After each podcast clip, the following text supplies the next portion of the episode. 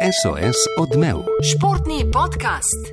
Živo moje ime je Slavko Jerič, lepo vas pozdravljam v podkastu SOS odmev, v katerem delamo iz številk besede. Številke in besede se vse čas menjajo, korona pa žal ostaja, kar pomeni, da tudi ta epizoda poteka nadaljavo in zato spet v srče dolenske kličem Tonija Grudna. Živo, Toni. Privet, хорошо. Ah, lep mednarodni uh, pozdrav, zimsko primeren, me veseli. Uh, no, kot veš, rada imamo tradicije. V prejšnji epizodi sem omenil dve tradiciji, omenil sem namenoma le eno kolesarsko, v kateri merijo tvoje kilometre, ker se je letošnje leto še le komaj začelo, bova to malo tokrat preskočila. Če se pa spomniš, sploh v prvi in drugi sezoni smo veliko govorili o tvojih uh, vzdelkih, si si slučajno kakšnega novega nadel? Uh, Bigfoot. Uh, Po 25 letih spet smučam, oziroma dejansko učim smučanje otroke, kar je kar grozen in to na sposojenih Bigfootkah. Aha, Bigfoot. Veš, kaj me spomni z beseda Bigfoot? Razen, razen glasbene asociacije, da se spomnim, da sem se nekoč, uh, konec 90-ih let, sprehajal po celju ob Savini, res lepi sprehodi in potem veš, kar naenkrat zagledam nekega visokega človeka z neverjetno velikimi nogami, ki so me spominjali na Bigfoota. Veš, da je bilo to? Ne. Aleš Pajovič, res. Takrat je bil to uh, človek, ki je res rešetal mreže od daleč in vse posod, res izvrsten rokometaš. Uh, kar je pa najbrž lep segovej do najne tokratne rdeče niti prvič se lahko pogovarjava o rokometu. Te dni v Egiptu poteka svetovno prvenstvo v rokometu, za nami je prvi del turnirja, ki ga bo z nama tokrat uh, komentiral Ognjen Backovič. Ognjen, lepo pozdravljen. Pozdravljen, Slavko. Uh, Ognjen, ko smo pri vzdelkih, zdaj se spomnim, uh, Pajoviča smo klicali kar Pajo, tebe se je tudi po prijinku nekako prijel Backo, pa obstaja še kakšen drug vzdelek, ki morda ni bil tako zelo znan? Uh, prvo moram še pripomniti, da bi tudi, tudi jaz vem, da je bil Aleš Pajovič Bigfoot. Tako da, če bi bilo to tvoje nagradno vprašanje, bi uskočil še preden si me predstavil. Um, kar se pa mene tiče, uh, ne, Backo ali Bac, še bolj skrajšano iz prejemka, je kar najbolj uporabljen nadimek, ki ga imam. Um, odraščal sem na Fužinah in tam so me tudi vmes klicali Firestarter, ko je skupina Prodigy uh, iz, uh, ko je izšel njihov, uh, znan, njihova znana pesem in jim je bilo tako uh, simpatično, pa je v povezavi z mojim imenom.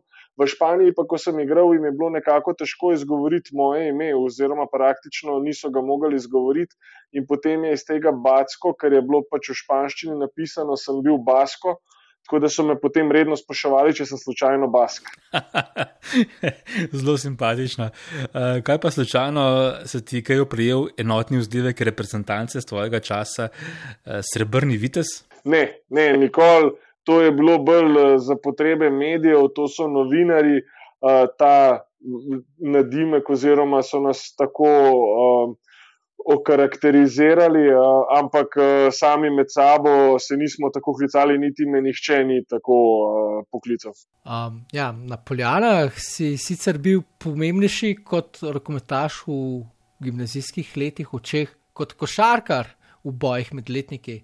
Drži, pa da se spomnimo, kaj je bil že tvoj jezik, ker za neposvečene poljanci, gimnazije v Ljubljani, se med sebojno ločujemo po dodatnem tujem jeziku. Sam sem bil francos, kar priznam, nisem najbolje izkoristil, tako da se upravičujem, madam Neubauer. Uh, sam moram priznati, uh, da sem bil nekaj drugega, pa mislim, da ne bi uganil. Bil sem matematik. Bil sem uh, ja, posebna. Smo, v moji generaciji smo bili cel matematični razred in smo bili kar posebna kasta, kajti dobro si to povedal, tam poljane jezikovna šola in so se res ločevali razredi po tujih jezikih, no mi smo bili pač posebneži. Prvi del prvenstva si preživel kot strokovni komentator z Jurtom Natkom, postala sta komentatorska naveza. Kako ti leži ta vloga zdaj po karieri?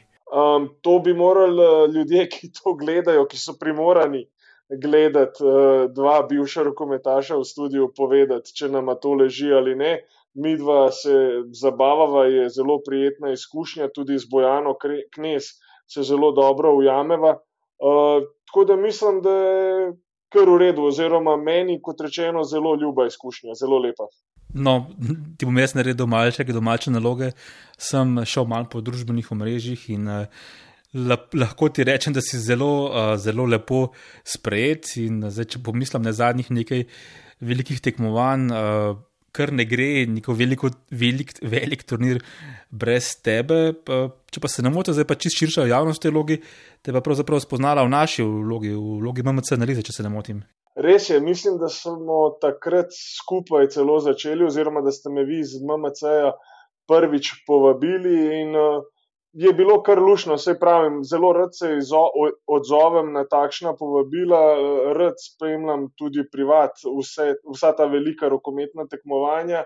In potem, če še tako lahko skupaj z novinarji naredimo malo za promocijo rokometa v Sloveniji, je seveda to dobrodošlo. No, in zdaj se je prvič tudi pri SOS odmevu, pa naredimo en hitri pregled tega prvega skupinskega dela, kjer je Slovenija igrala v skupini H za uvod rekordno visoko število doseženih golov in zmaga nad študenti iz Južne Koreje. Potem pa kar presenetil gladek poraz z Rusijo 25 proti 31 in zdaj po hudih mukah v prvem polčasu je Slovenija premagala Belorusijo z 29-25. Daleč od odličnega, a po torobnem sobotnem razpletel so se v zadnjih 40 minutah tekme z Belorusi stvari vendarle popravljale, postavili na pravo mesto. Kakšna je tvoja ocena končnega stanja v skupini H? Končna ocena z našega vidika je neka trojka. Če se izrazim šolskimi ocenami od 1 do 5, ne morem reči, da sem čisto presenečen. Sigurno to ni tisto, kar smo vsi skupaj pričakovali. Upali smo nekako, da bomo šli za štirimi točkami naprej. Uh, bili smo favoriti v tej skupini uh, in mislim, da se nismo najbolje znašli v vlogi favorita. Mislim, da psihično mogoče nismo bili dorasli temu. Uh, zdaj, za nazaj je težko pametovati, kaj za res je pomenila tista tekma z Južno Korejo. Več kot očitno je bilo, da gre za neko ekipo, ki ni dorasla ostalim tekmecem na prvenstvu, čeprav so kasneje z Belorusi in Rusi prikazali tudi boljšo igro Korejci in so uh, bolje izgledali, oziroma recimo temu, da je bila uh, razlika nižja. Od tiste z našo tekmo, ampak so jih verjetno tudi Belorusi in Rusi, ko so videli, kakšni so te Korejci, malo podcenjevali po drugi strani pa je potem prišla ta tekma z Rusijo, kjer enostavno uh, ni našim reprezentantom nič uspevalo, in bolj kot to, da jim ni uspevalo na rokometnem igrišču, je bilo evidentno, da so energijsko, da niso ta pravi, da ni tistega pravega vzdušja med njimi, nekako so. Uh, Pričakovali, verjetno, ali tako so pač igrali, da, bo, da bodo vodili in nekako lažje premagali Ruse, ko so leti povedali, je potem eh, se igra naših ustavila in niso našli poti ven iz te črne luknje. V tej luči je tudi bilo za pričakovati danes težko tekmo, kajti beloruska reprezentanca ni naivna. Uh, ni to čisti svetovni vrh, to je treba priznati, ampak daleč od tega, da bi bili naivni, imajo dobre igralce, hkrati pa so naši igralci uh, bili obremenjeni z pomembnostjo tekme, se pravi s temi točkami, ki se prenašajo naprej.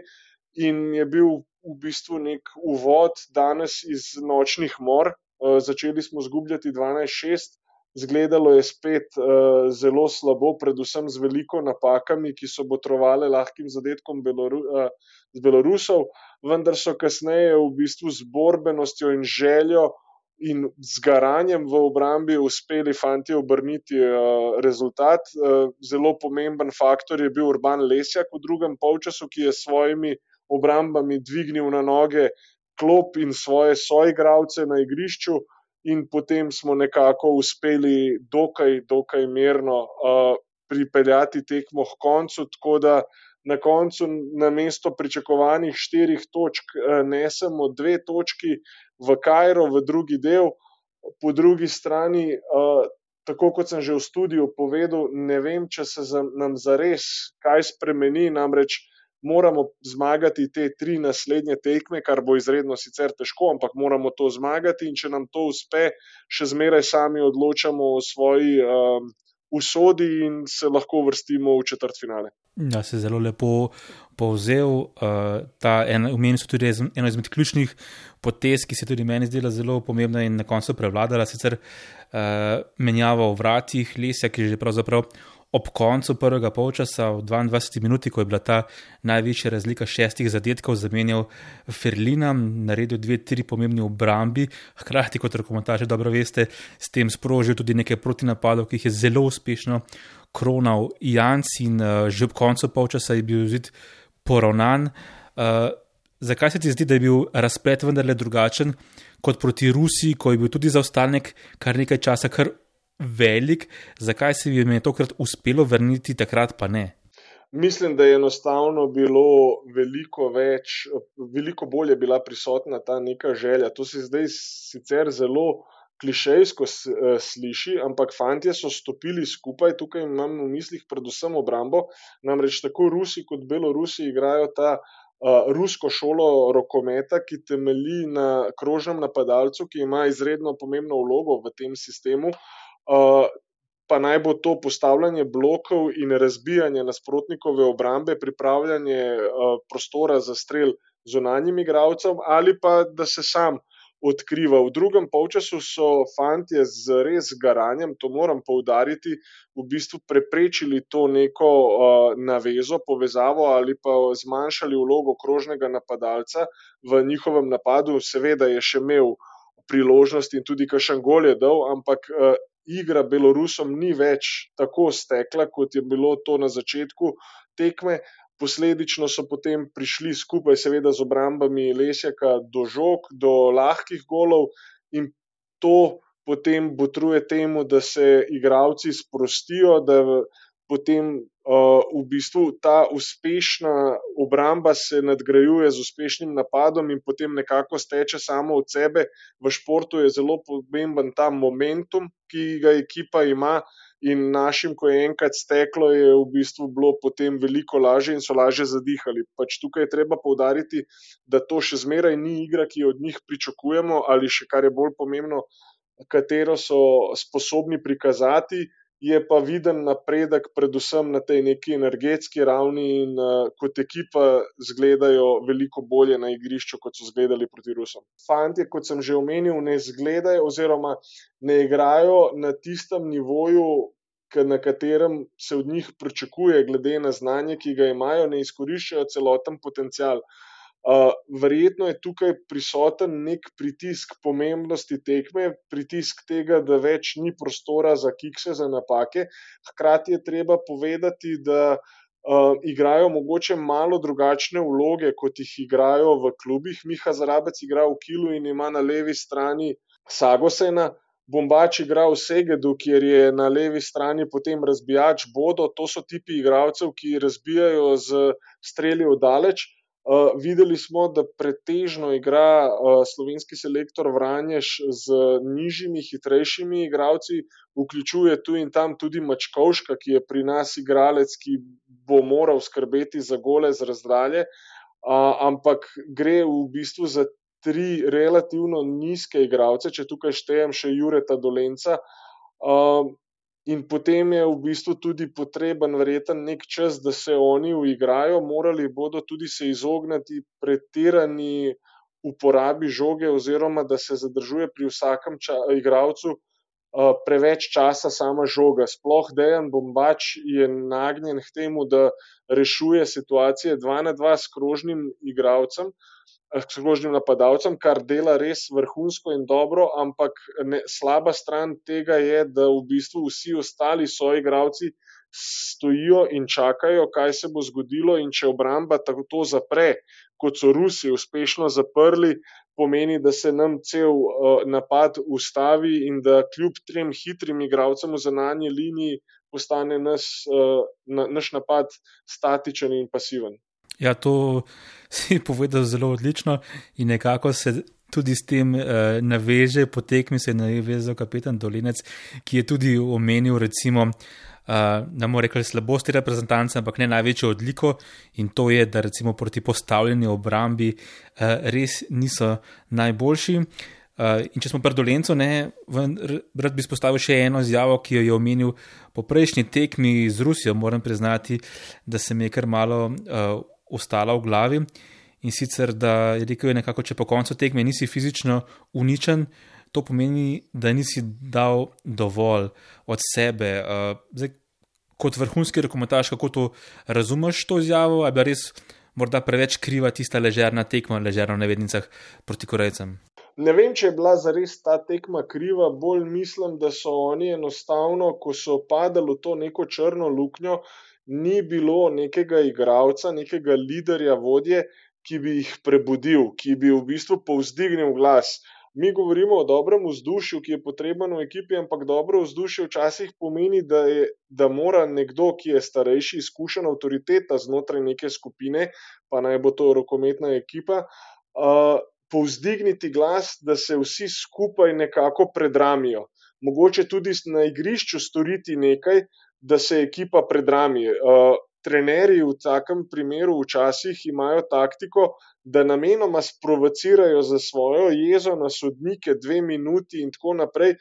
Da v bistvu na ta način tudi predramijo ekipo. Meni je ekipa proti Rusom delovala v nekem uh, šoku, bila je letargična, izredno me je zmotilo v zadnjih petih minutah, ko nekako se je čutilo, da bomo izgubili to tekmo. Pa so potem nehali igrati in dovolili Rusom, da so zmagali z relativno visoko prednostjo, ki, po moje, bi se kljub temu uh, lahko uh, znižala, oziroma bi bila na koncu nižja, če bi se borili do konca, oziroma garali do konca, ali pa dali vse od sebe. In se strinjam z Juretom, mislim, da je bilo to očitno tudi uh, na televiziji, kar smo gledali preko malih zaslonov, da fantje so nekako se udali, uh, začutili so, da ne morejo več tekmo zmagati in so pač samo še čakali, da se tekma konča. Na drugo bi se reče navezal, kar je Jure Dolenec rekel, da nekako se ve, da oni niso najboljša ekipa na postavljeno obrambo. Uh, moram priznati, da meni ta izjava ni všeč, pa če tudi mogoče drži oziroma uh, ima nek, uh, je podprta z nekimi dejstvi, uh, mislim, da je potrebno povdariti, da mi lahko napadamo na postavljeno obrambo, ampak moramo drugače igrati, izkoristiti moramo prednosti, ki jo imamo v tej postavitvi, ko igramo z nizkimi igravci. Se pravi, izogniti se temu, kot sem prej rekel, da eden igralec predolgo drži žogo, ampak ker gre za nižje, ampak posledično veliko hitrejše igralce, ki jih krasi izjemna kombinatorika in lucidnost v igri, bi morala cela naša igra v napadu biti veliko, veliko hitrejša, kar bi pomenilo, da obramba veliko težje pokriva in lovi te igralce, in seveda potem posledično tudi razširiti igro na krila, jih izkoristiti, kot si že sam opazil in omenil, da jih ne izkoriščamo v tolikšni meri, čeprav v tej tekmi je Blažjanc zadev kar nekaj strelov z krila, tudi Cingesar mogoče sicer malo manj, ampak kljub temu mu je uspelo, ampak predvsem bi morali s hitrejšo igro uh, zaposliti tudi naša krila, poleg krožnega napadalca. No, morda bi se rad dotaknil še deloma še ene Jurotove izjave po prejšnji tekmi. Uh, malce me je presenetilo, ko je dejal, da že od druge tekme z Nizozemsko, torej tiste kvalifikacijske za Evropsko prvenstvo, trdi, da to ni to. Uh, ne vem, kaj je mislil konkretno, morda z energijo v ekipi ali kaj drugega. Uh, dodal pa je še, da je naloga selektorja, da najde uh, prave odgovore in tudi zaradi prejšnje epizode v naši oddaji in zaradi planice sem se seveda spomnil na čisto asociativno na Timija Zajca, ki tudi govori, da mora njegov trener najti odgovore. Um, tukaj je vseeno malo razlika med eh, individualnim športom, kjer v bistvu izvedeš en skok sam in sicer je pomembno, kaj ti uh, trener uh, naroči, na kaj moraš biti pozoren in kako ga izvesti. V ekipnih športih je, ekipa, uh, je vloga trenerja vseeno večja. On je tisti, ki določa, kdo bo igral, v kakšni postavi bo ekipa igrala, kakšna bo vloga posameznika, koliko časa bo posameznik na igrišču. Uh, tako da mogoče malo neposrečena izjava, Uh, ampak jaz verjamem, da bo tudi Ljubo Vranješ najdel neko razpoloženo postavo. Mislim, da jo še zmeraj išče. Danes je začel s Tašem Skubetom, pa je potem prišel tudi za Rabec v igro, ki je vseeno malo poživil uh, ta naš napad. Uh, mislim pa, da Jure prvenstveno čuti in mislim, da tudi vsi ostali reprezentanti čutijo, da je potencial te ekipe velik in da enostavno v tem trenutku še ne igrajo tako, bi lahko, kot bi lahko. Zakaj je temu tako, jaz ne vem, težko je to oceniti. Verjetno tudi sami čisto točno ne vejo, ker če bi vedeli, bi potem tudi prepričan sem najdli rešitev, ampak sam nekako sem prepričan, da z, s časom, v bistvu s tem, z, z vsako tekmo, ki bo, se bo to izboljševalo in tudi, ko se bodo sprostili, ne bo več ta pritisk toliko močen, da uh, morajo zmagati tekmece, kateri so premagljivi, oziroma od katerih se njih pričakuje, ampak se bodo malo sprostili in mogoče ne mislili toliko direktno na rezultat. Mislim, da bomo tudi gledali zelo uh, atraktivno igro, ki smo jo sposobni. In koliko je bil ta faktor te tekme z Južno Korejo? Po eni strani je šlo Slovenija na prvenstvo s tem remijem z Nizozemsko, potem pa pride Koreja, kjer se nasuje 51 golov. Slavka je v SOS-u poiskal, da je bilo to v zgodovini svetovnih prvenstv uspelo le trem ekipam. Zdaj pa vidimo, da so jih Belorusi premagali Korejce za 8 golov, Rusi pa celo samo za 4. Ja. Jaz ne bi preveč pomena dajal Južnokorejcem. Uh, mislim, da smo jih mi premagali, pač mislim, zasluženo. Enostavno razlika v kvaliteti je tako velika. Kar je minus te tekme, je, da smo dobili 29 golov. Uh, plus je, da smo jih dali 51, ampak mogoče se je tukaj pri, prikradla ta neka ležernost in sproščenost, ker Korejci nimajo kvalitete, da bi to kaznovali. Kasneje, ko je pa prišla bolj resna ekipa, ki je tudi bolj fizično igrala in so nas tudi pač pretepli, če mal v narekovajih se izrazim oziroma mal podramatiziram. Je potem se to bilo fantom toliko težje vrniti v tekmo, in kot smo videli, pač proti Rusom niso splavali iz te črne luknje. Rezultati Korejcev, uh, se pravi, se mi ne zdijo toliko pomembni, ker uh, tudi Rusi in Belorusi so gledali to tekmo, videli so, kakšni so Korejci in so jih enostavno uh, podcenjevali, oziroma so šli to tekmo z Korejci oddelati. Z, da bi izgubili čim manj energije. Jaz sicer moram priznati, da teh tekem nisem gledal, si pa predstavljam, kajti to sem tudi sam doživel, ko prideš na tako prvenstvo in ko igraš s čistim outsiderjem, uh, tudi ti nekako igraš z nekimi 50%, kljub temu, da zvedno trdiš, da moraš iti 100% tekmo, pač igraš z nekimi 50%, koliko je pač potrebno za zmago. No, ravno v bistvu Koreja je tudi istočnica za naslednjo vprašanje. Res je svetovno prvenstvo, ki pa je zdaj razširjeno. Uh, pa skupaj s pandemijo, odsotnostjo gledalcev na tribunih, zato še bolj v oči bode vprašanje, ali sodijo take ekipe na tak turnir, zlasti pač Koreja imela še svoje druge odločitve, prioriteta je kvalifikacije za olimpijske igre.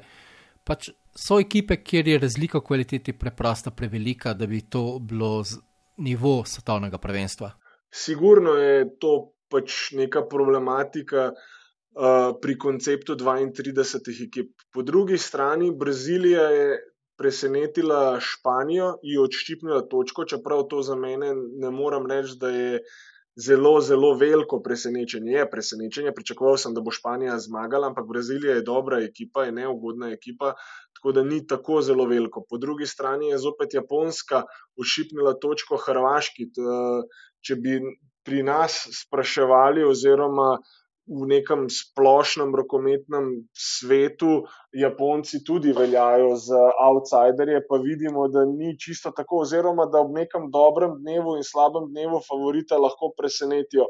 Uh, ta razširjen koncept svetovnih prvenstev uh, je prvenstveno, po mojem mišljenju, zaradi uh, neke popularizacije rokometa v svetu.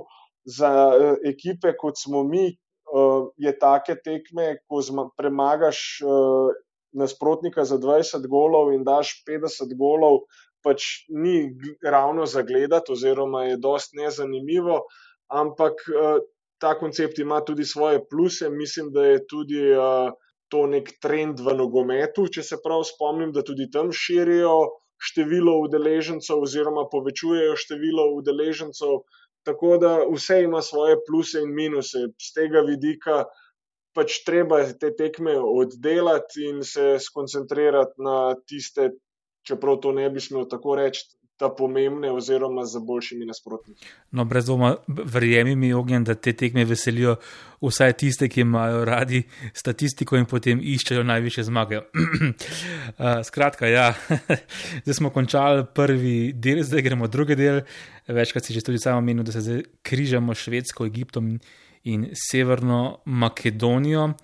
Ta bo tudi prvi slovenski tekmec. Všeč mi je bilo, ko si v, tek, v analizi po tekmi na TV Slovenija omenil, da v bistvu prvo ali drugo mesto ne spremeni kaj veliko iz uh, pristopa, sodeč namreč še vedno je treba premagati brško, ne vse tri tekmece. Ne?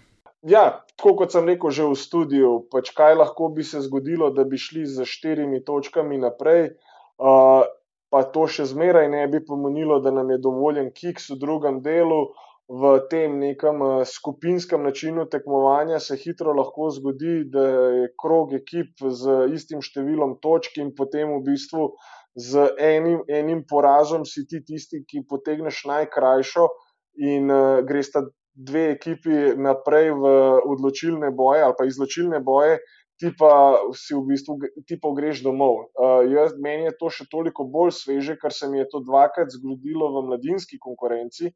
Na dveh evropskih mladinskih prvenstvih smo bili namreč ravno mi, ta ekipa, ki smo z enim porazom uh, izpadli iz boja za polfinale in se borili za peto mesto. Zato pravim, da to za res ne igra vloge, po mojem mnenju, bomo morali zmagati vse tri tekme, če želimo iti v četrt finale. Um, gremo k samemu odgovornemu, sprav k selektorju. A, kako ocenuješ delo selektorja Vranjaša, ki ima za seboj Evro, uspešno evropsko prvenstvo, zdaj pa je s temi tekmami zelo v takem. Bi rekli, kar na precepu, na, na enem razpotju, kjer lahko zaključijo izjemno zgodbo, lahko se pa še tudi zalomi. Že tukaj proti Belorusiji so bile stvari zelo na meji. Ja, to drži. Jaz bi še zaenkrat se vzdržal neke ocene, kar se tiče Evropskega prvenstva na švedskem. Je on v bistvu uh, prišel zelo pozno, tako da se še ni mogel zares videti njegov uh, podpis pod igro Slovenije, kar je, očitna, kar je bila očitna razlika med njim in prejšnjim selektorjem Vujovičem, je bil način vodenja. Medtem ko je bil način vodenja Vujoviča tak tipičen, temperamentno balkanski, če se tako izrazim, je bil.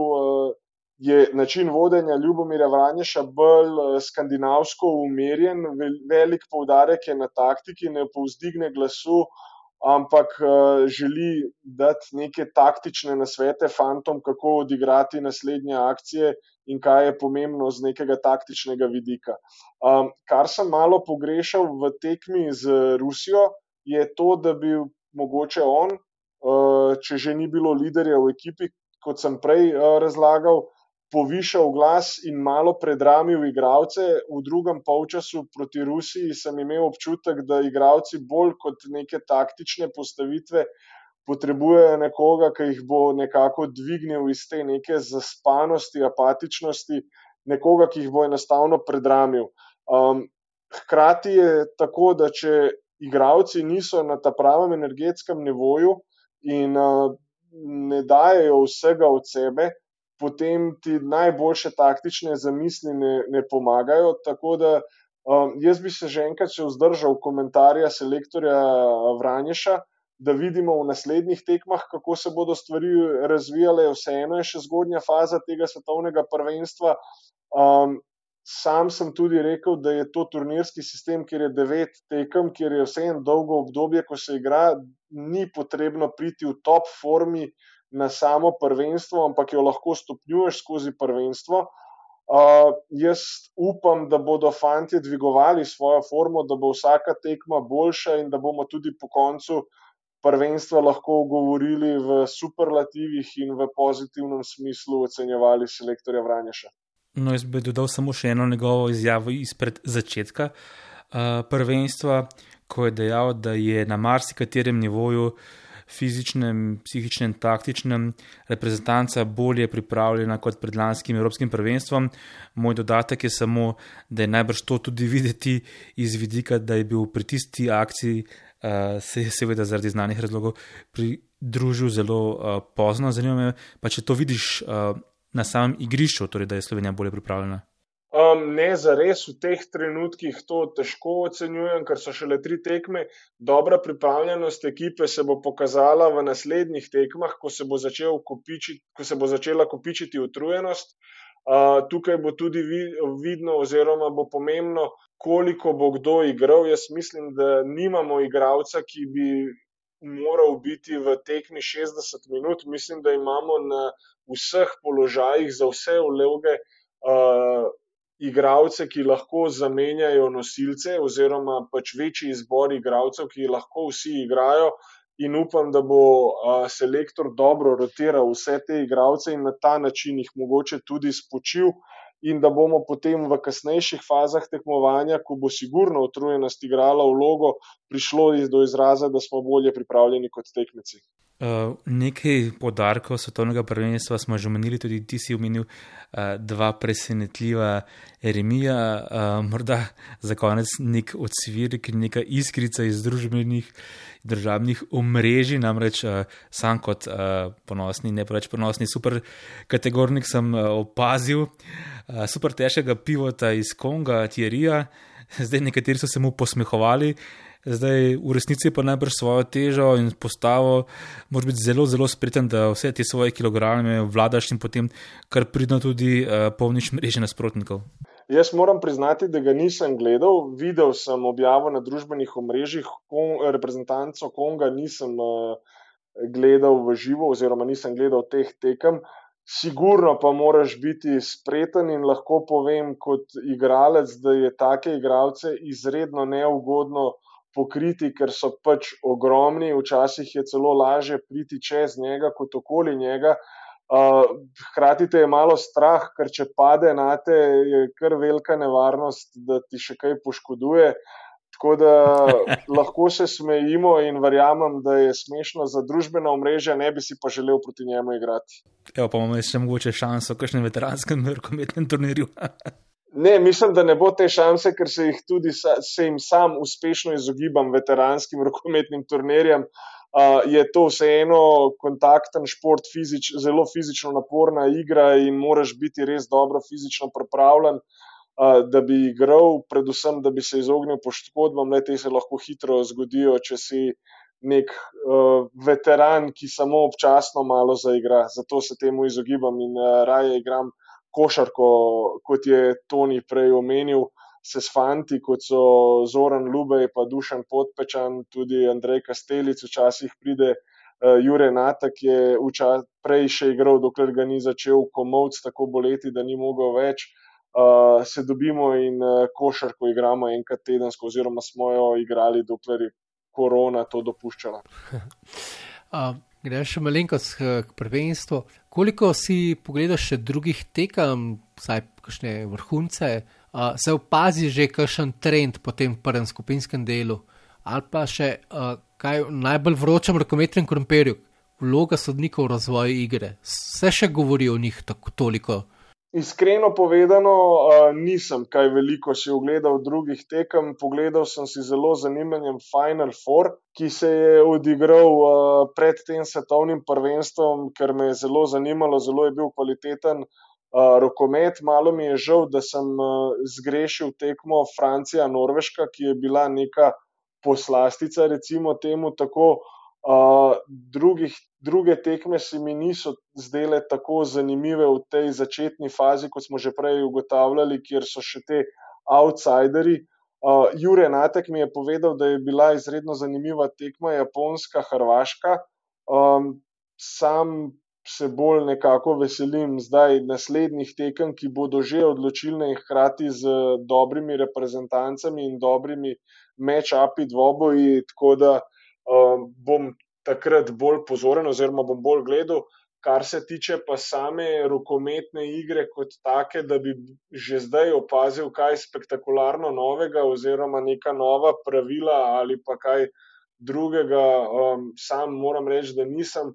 Upam pa, da bo tako tudi ostalo, vsaj kar se tiče um, sodnikov, da ne bodo v nekem prvem planu. Uh, ne bi rad preveč to poudarjal, ampak igramo z domačini, egipčani, tako da me, me zanima, kako bo vse to skupaj uh, izgledalo, ko bodo domačini igrali. Ja, ognjen, hvala ti za res tele. Čudovite rokometne uvide, nekaj si tudi podelil košarkarskih misli, no čisto za konec bi še pa skočil v tretji šport. Zdaj eh, vemo, da se rokometni turniri januarja običajno križajo s končnico ameriškega nogometa, torej lige NFL. Vem, da si uh, kar precejšen navdušenec. Uh, do konca so v boju za Lombardijo pokal ostale le še štiri ekipe. Uh, kateri najbolj privoščiš naslov prvaka? Um, jaz sam navijam za Baltimore Ravens, redno jih spremljam, če tudi je to po noči. Ta vikend so igrali Divisional Round, neko četrt finale, recimo temu. Uh, in so jih nažalost izpadli. Uh, tako da, če se malo pohecam, te štiri ekipe, trivialne, ki so ostale, me ne zanimajo. Uh, prvoščem ne nobenemu, prvoščem samo Ravensom, uh, zaslužijo si pa v bistvu vse štiri, ker so zares dobre. Upam, da bo Patrick Mahomes za Kansas City Chiefs lahko igral quarterback, ki je na zadnji tekmi izstopil zaradi pretresa možganov. V NFL-u imajo za to točno določen protokol. Nisem siguren, če bo v sedmih dneh. Uh, mu dovoljeno, da jih zaigra, kajti, kot sem rekel, je protokol, mora izpolniti točno te neke določene preglede in uh, morajo biti taki rezultati, da mu bodo dovolili igrati. Če ne bodo smel igrati, mislim, da so favoriti Buffalo Bills, v nasprotnem bi stavil na Kansas City Chiefs, bo pa izredno zanimiv dvoboj. Na drugi strani pa dajem neko prednost uh, Green Bayu z Aaronom Rodgersom, čeprav tudi Toma Bradyja ne gre odpisati. Ne pravošam pa ne vem, če. Če se pošalim. Ja, in kar iskreno poveš, se mi zdi, res si lepo analiziral, res uh, Morda je to šport, ekipni šport, v katerem je vloga enega posameznika daleč največja, prav ameriški nogomet, vloga quarterbacka, podajalca in res uh, Kansas brez Patrika Mahomesa je popolnoma druga ekipa. Zdaj Toni, kakor moj spomin me vara, so se pogovarjala pred desetletji o tem športu, zdaj če nisi prestopil, mislim, da si kar vesel, ker je ena izmed tvojih, oziroma tvoja ekipa še zmeraj v top 4. Ne? Ma da, sem, jaz sem hotel med uh, Green Bay in New Orleans, pač to sta v bistvu moji ekipi, New Orleans tudi zato, ker sem malo frankofona. Uh, Green Bay pa pač, ker uh, pač ta zgodba mi je zmeraj že zelo zgodaj, sem spoznal to zgodbo, pa eno na ključo. Ampak uh, ja, uh, tako da, seveda, Green Bay mora zdaj maščevati uh, New Orleans proti Tampi, v finalu pa ni važno. Vemo, kdo bo čez hec izmagal. Definitivno pa je, pa je pomembno uh, pravilo najne oddaje, da se poslovimo nekako z zanimivostjo glede številke oddaje. Tole je 46. epizoda, ognjen, imaš točno kakšno zanimivost, številko 46. Um, ja, pač sicer nisem tak velik ljubitelj, ampak menijo sicer na Valentina Rosija. Ja, čudovito, bom kar preskočil, to ni tudi mene. Jaz sem imel to, uh, to zanimivost pripravljeno. Uh, moram priznati, ta številka mi je vedno asociirana na njega. Priznam, da nikoli ni, nisem preveril, zakaj si je izbral to številko. Danes sem prav za potrebe tega pogovora preveril. In vzrok je bil njegov oče, Graciano, tudi mu to. Eh, moto, motorist, ki si je prav tako uporabljal številko 46, vozil celo kariero. To ni tvoja 46? Uh, jaz ostajam kar pri svoji preverjeni metodi zmagah Primoža Rogliča. Številka 46 je bil kronometrski uspeh na Lauelti, kjer je za vsega sekunda ugnal američana Vila Barto, ki bi prvič zmagal sploh v karieri. Uh, predvsem se je porogel takrat vrnil v rdečo majico in do, prišel do ključne prednosti za končno drugo zaporedno zmago v Španiji. Ja, dolgo se šlepaš to na Primoža Rogliča, ampak zdaj ga bo kmal prehitela in boš lahko kakšno drugo rešitev najdec. No, samo dodam za najne poslušalce. Uh, po prejšnji 45. oddaji, v kateri so govorili o novoletni turnaji, nam je pisal poslušalec zvesti Viki Vrtačnik in naj spomnim, kar so pozabile. In sicer, da je Primož Petrka, torej prvi slovenec, zmagal na tej turnaji, uh, dobil 45. novoletno turnajo, kar bi šlo res lepo z roko z roki iz prejšnjo oddajo. Uh, Ognjen, uh, res iskrena, hvala za vse te čudovite uvide, res uh, jezik, misliti si jajno teče, res znaš uh, predstaviti skrivnosti uh, rokometne igre, za kar smo ti s Tonijem izjemno hvaležni. Hvala tebi, Slavko, in tebi, Toni, bilo mi je v veselje, res smo lepo poklepetali. Upam, da če bo še kdaj prilika, ko bomo naslednjič, da bom lahko še kaj uh, več povedal o Ravensih, oziroma hočel sem drugo reči, da bodo Ravensi dalje prišli kot lejo do Divisional Round of Playoff. Velja, uh, mor, upam, da se slišimo izven te debate, morda v rokometu, že ob koncu tega turnirja, če bo slovencem uh, kazalo dobro. Hvala ti. Hvala vam, lepo zdrav. Lepo zdrav in naslišanje.